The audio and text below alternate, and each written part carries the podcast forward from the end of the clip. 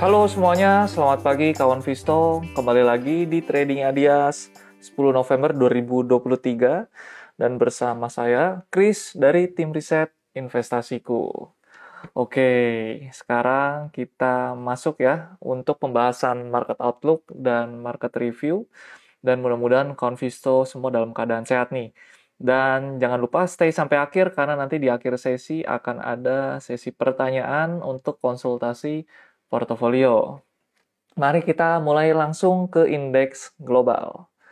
Kita perhatikan untuk indeks global ini ditutup cukup variatif ya dan terutama di sini untuk indeks daripada Amerika Serikat atau Wall Street ditutup negatif ya. Jadi di sini ada sentimen yang cukup uh, kurang baik bagi Eh, bursa di Amerika Serikat maupun di global. Di sini kita bisa perhatikan untuk Wall Street ini melemah ya imbas daripada pernyataan kedua ketua Federal Reserve. Jadi pada hari Kamis ya di sini untuk Wall Street ini menghentikan kenaikannya beruntun ya. Jadi memang di sini oh, ada kenaikan yang disertai dengan koreksi ya pada saat Kamis kemarin. Di sini akibat dari imbal hasil treasury nih yang naik ya setelah lelang obligasi 30 tahun. Yang hasilnya mengecewakan karena ini dampak daripada penjualan obligasi AS yang lebih besar ya, 2,24 kali lipat dari penjualannya. Sehingga ini mengindikasikan bahwa ada ketakutan nih daripada investor karena uh, mereka memburu untuk uh, obligasi dengan tenor yang panjang ya. Jadi penjualannya cukup fantastis ya. Di sini sekitar uh, 24 miliar US dollar. Dan ini juga diikuti oleh komentar daripada Ketua Federal Reserve yaitu Jerome Powell pada konferensi riset tahunan Jacques Polek ke-24 di Washington DC. Ya, beliau mengatakan bahwa uh, para pejabat ya bank sentral ini tidak yakin nih suku bunga yang cukup tinggi ini bisa mengendalikan inflasi. Ya, jadi kalau kita perhatikan lagi ini menyebabkan untuk US Treasury yield ya yang tenor 10 tahun ini sempat menanjak ya ke angka sekitar 4,65 ya. Jadi di sini tinggi dan juga kalau kita lihat untuk US 30 ya yang tenor lebih panjang lagi ini sempat menanjak ke 4,8 di mana angka ini cukup fantastis mengingat ketika memang yang tenor panjangnya ini diburu berarti investor ini ada ketakutan nih terhadap perekonomian di depan. Dan ini ditambah oleh sikap daripada uh, pejabat The Fed yang relatif masih hawkish. Dan ini kita juga bisa melihat ya, uh, secara data untuk laporan dari Departemen Tenaga Kerja AS ini menunjukkan uh, jobless claim ya, yang turun tipis ya ke 217 ribu yang ini mengindikasikan bahwa PHK ini masih belum meningkat ya meskipun ada tanda-tanda pasar tenaga kerja yang melemah. Jadi memang uh, untuk komentar daripada pejabat sendiri mereka harus berbasis pada data ya. Dan mereka juga mengatakan bahwa untuk uh, suku bunga ini sendiri mereka ragu-ragu untuk menaikkannya ketika memang perekonomiannya ini menguat ya dan jika kita mengacu pada CME FedWatch Tool ya, untuk probabilitasnya di Desember 2023 sebanyak 14,5% ini uh, ingin menaikkan suku bunga ya. Uh, jadi beranggapan mereka akan menaikkan suku bunga dari pihak The Fed-nya di 5,5 sampai 5,75. Sedangkan untuk di awal tahun 2024 uh, naik lagi nih ya yang uh, optimis terhadap kenaikan suku bunganya di 23,3 persen ya. Jadi uh, memang kalau diperhatikan lagi ini semakin lama untuk Fetch Watch tool-nya ini semakin meningkat ya yang mereka pro terhadap kenaikan suku bunga sehingga ini harus menjadi perhatian para investor ya terkait untuk strategi investasi kawan Visto semuanya. Lalu untuk uh, kenaikan di bursa Asia hanya dari Nikkei ya yang menguat sekitar 1,49 persen ya, yang penguatannya sekitar satu persenan. Sisanya itu di bawah satu persen semuanya.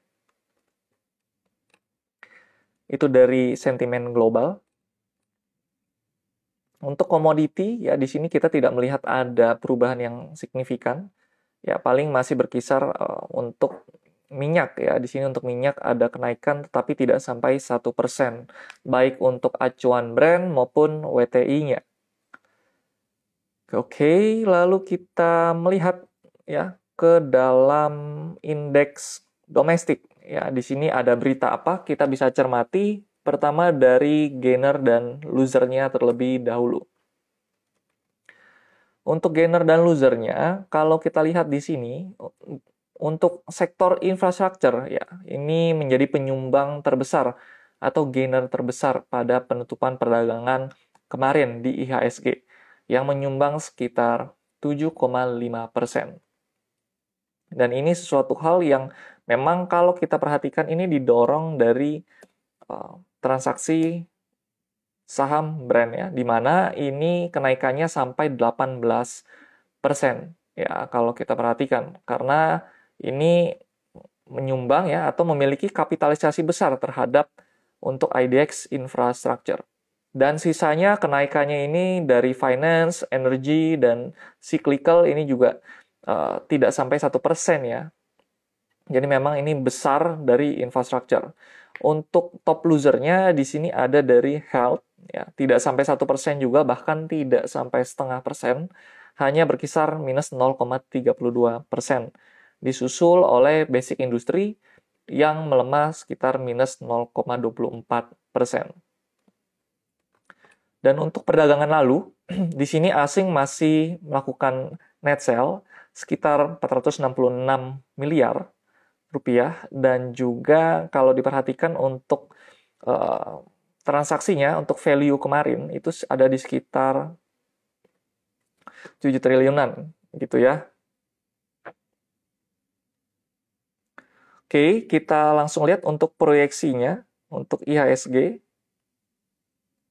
Seperti apa untuk proyeksi IHSG kita di hari ini.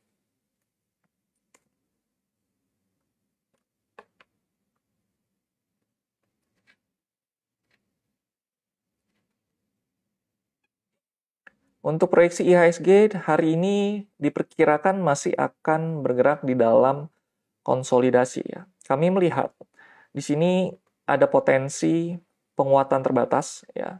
Tetapi kalau kita melihat memang untuk dari Wall Street-nya sendiri ini negatif, ini sedikit banyaknya akan berdampak kepada bursa lokal.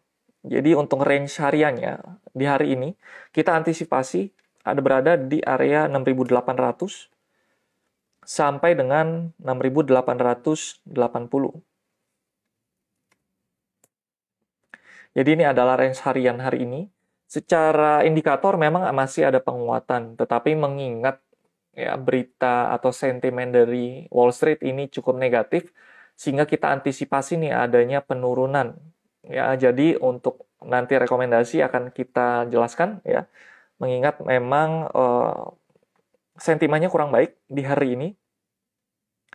Dan kalau kita melihat penutupan kemarin ada penguatan ya, sekitar setengah persenan ini ditopang dari indeks penjualan real bulan September yang tumbuh sekitar 1,5 persen year on year.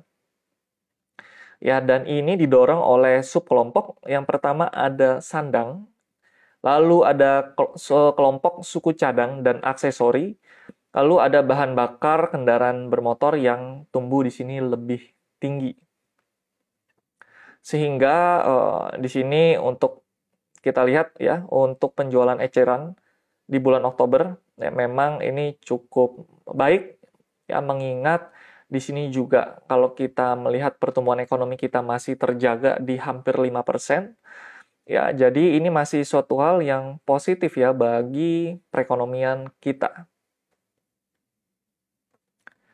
Dan juga ya kalau kita melihat ada sentimen dari eksternal juga yang tidak kalah penting di mana di sini kita melihat ada dari China ya yang sedikit banyaknya menekan daripada penguatan IHSG kemarin.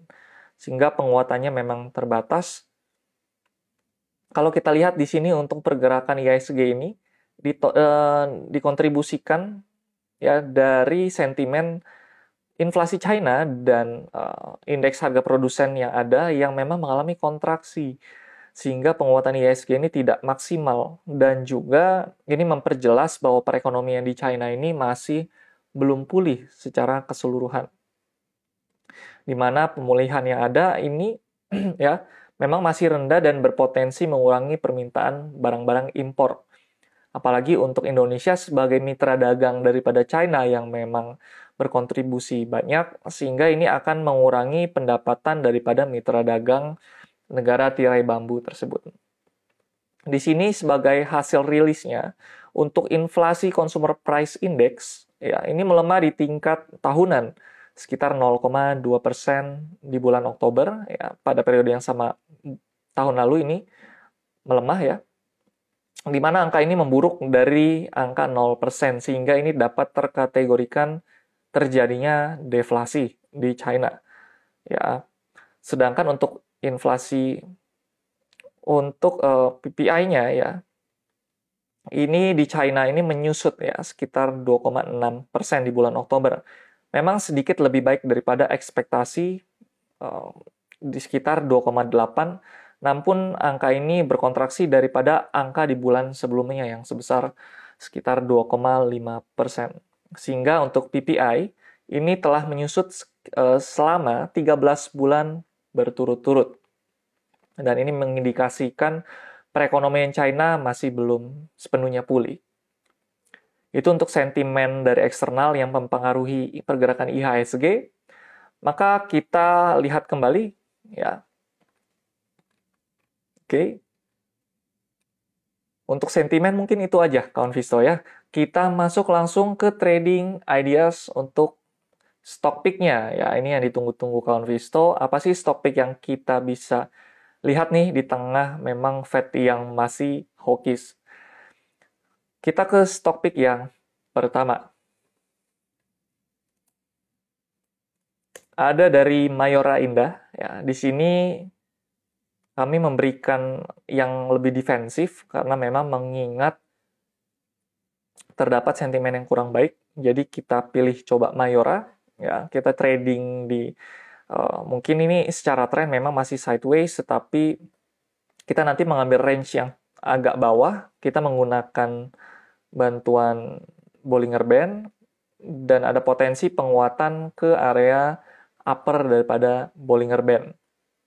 Sehingga rekomendasi kita di 2630 sampai 2650 dengan take profit di area 2750 dan juga stop loss di area 2550. Untuk rekomendasi ini diperingatkan lagi disclaimer on semua kerugian dan keuntungan menjadi tanggung jawab kawan Visto semuanya dan kawan Visto dianggap sudah mengerti risk dan reward dari setiap rekomendasi yang kami berikan. Kita lanjut ke saham kedua, ada dari Medco. Kita di sini melakukan bottom fishing karena dari price actionnya atau dari candlenya ini ada peluang dia menguat dari area lower Bollinger Band.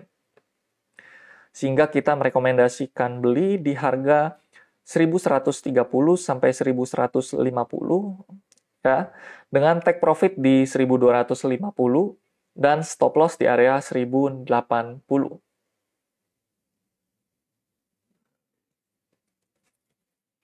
Kita ke saham berikutnya, ada dari BRPT. Kalau dari BRPT ini sendiri memang terlihat eh, short term-nya ya, atau medium term-nya ini masih di dalam downtrend. Tetapi kami melihat di sini ada potensi dia untuk breakout daripada trend line ini ketika memang nanti menembus. Dan hal ini didukung juga dari indikator stokastik yang masih ke atas dan MACD juga yang masih uh, mengarah ke atas yang berarti ada momentum penguatan lebih lanjut.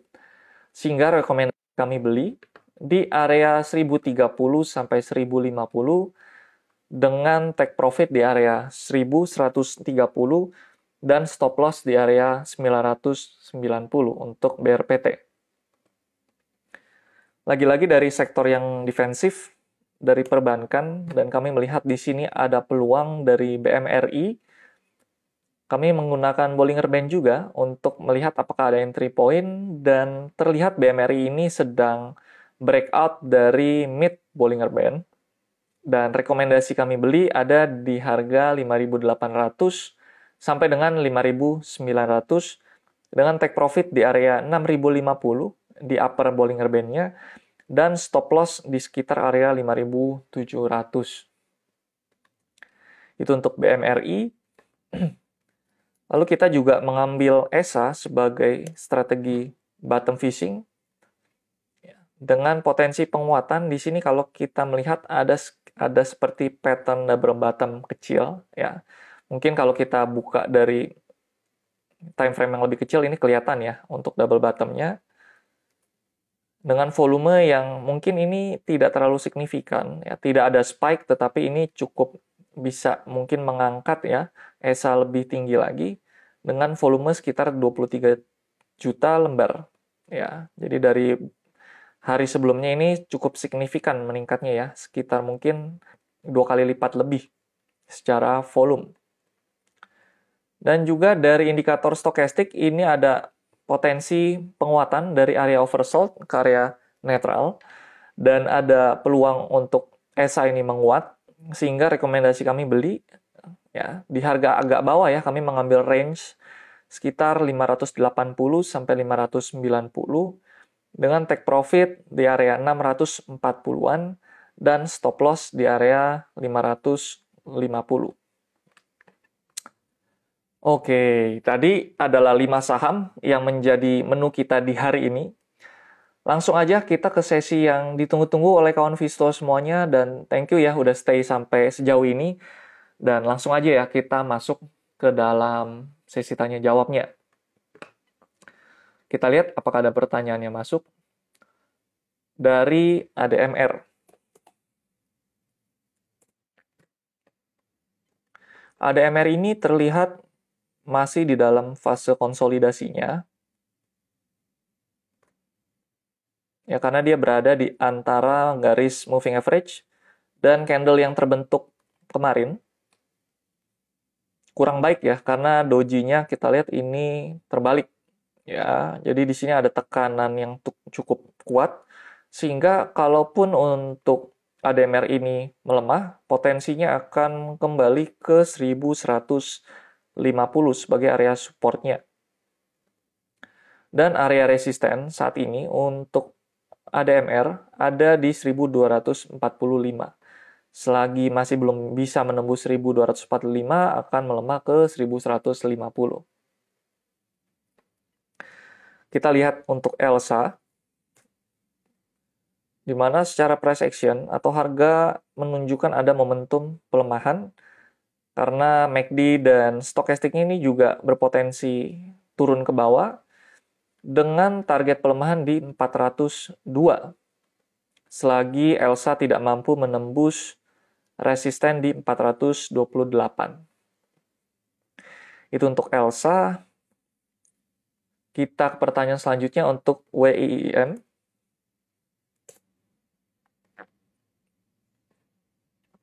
Untuk WIM ini masih relatif sideways. Ya. Untuk rentang hari ini, potensinya masih di 3.560 sampai dengan 3.360 untuk WIIM. Oke. Itu dari saham WIIM. Lalu kita ke pertanyaan selanjutnya, brand masih ada kemungkinan naik. Kenapa disuspend? Ya, Kenapa disuspend? Memang penyebabnya ini karena memang kalau kita melihat ya kenaikannya untuk brand ini sudah signifikan. Ya. Tetapi perlu diingat juga ya. Oke. Di sini ada suspensi daripada saham ya. Jadi suratnya sudah keluar. kalau kita melihat memang untuk secara fundamental atau secara bisnisnya ini memang brand cukup menarik sehingga memang ekspektasi para investor ini cukup besar atau cukup tinggi di saham brand ini sendiri.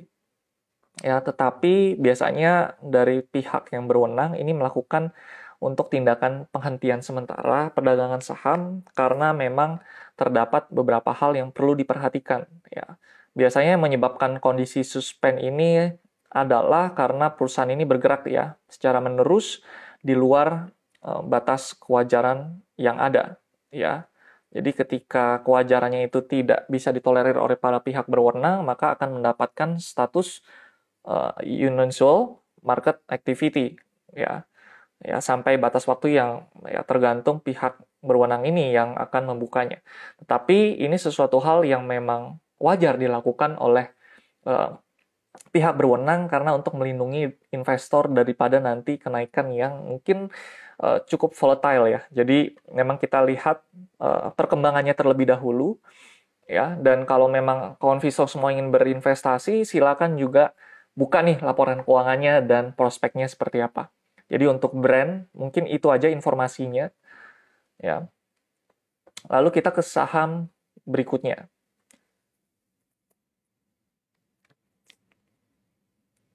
Oke, saham berikutnya ada dari Cuan. Ya, dan Cuan ini juga mendapatkan suspend karena kalau diperhatikan kenaikannya ini cukup tidak biasa juga ya, sehingga ada pengumuman dari pihak bursa ya bahwa Cuan ini juga disuspend. Ya.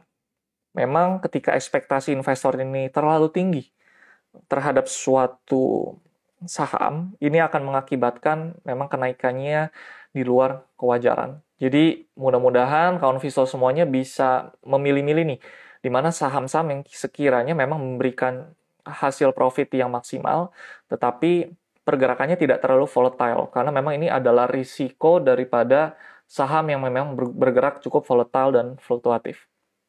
Itu dari cuan. Kita ke saham berikutnya ada dari Oasa.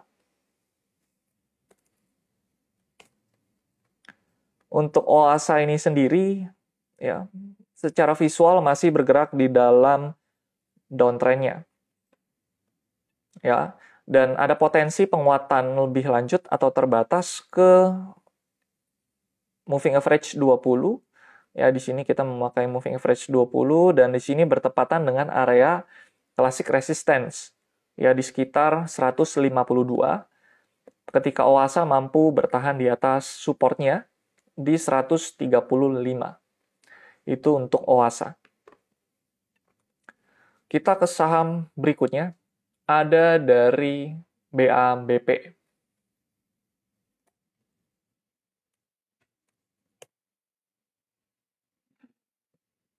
Dari BABP sendiri, ya kalau diperhatikan memang uh, kita mengacu kepada Wall Street ya ketika memang indeks Nasdaq-nya ini tertekan yang notabene adalah uh, saham teknologi ya mostly dan kita bisa mengacu kepada sektor teknologi yang ada di, di Bursa Efek Indonesia di IHSG.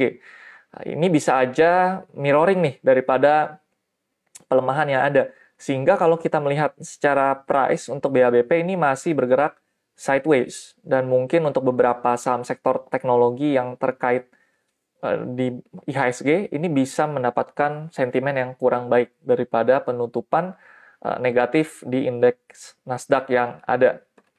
Sehingga untuk pergerakan BABP hari ini diperkirakan masih akan bergerak sideways atau konsolidasi dengan range area 60 sampai 66. Ya, sehingga untuk BABP ini sendiri kita masih belum melihat ada entry point yang menarik. Oke, okay. Kita ke saham Meta. Ya.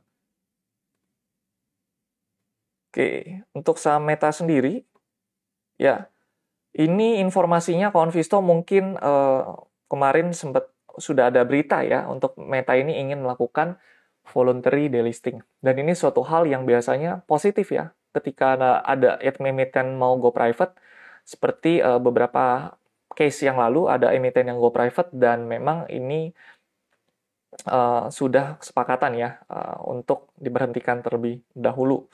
Karena biasanya jenis uh, delisting ini ada dua nih, ada forced delisting dan ada voluntary delisting. Ya, yang kurang baik yang memang tidak diinginkan oleh para investor adalah yang forced delisting. Karena memang sentimennya menjadi kurang baik. Oke. Okay? Nah, apakah ada pertanyaan lagi? Bisa tulis di kolom chat. Oke, kalau tidak ada, mungkin untuk meta ini menutup trading ideas kita hari ini ya. Mungkin thank you semuanya bagi kawan Visto yang udah stay nih sampai uh, sejauh ini ya. Mungkin semoga hari ini portofolionya cuan semua ya kawan Visto. Dan saya Chris dari tim riset investasiku pamit undur diri. Sampai jumpa di trading ideas selanjutnya karena investasiku for the better tomorrow.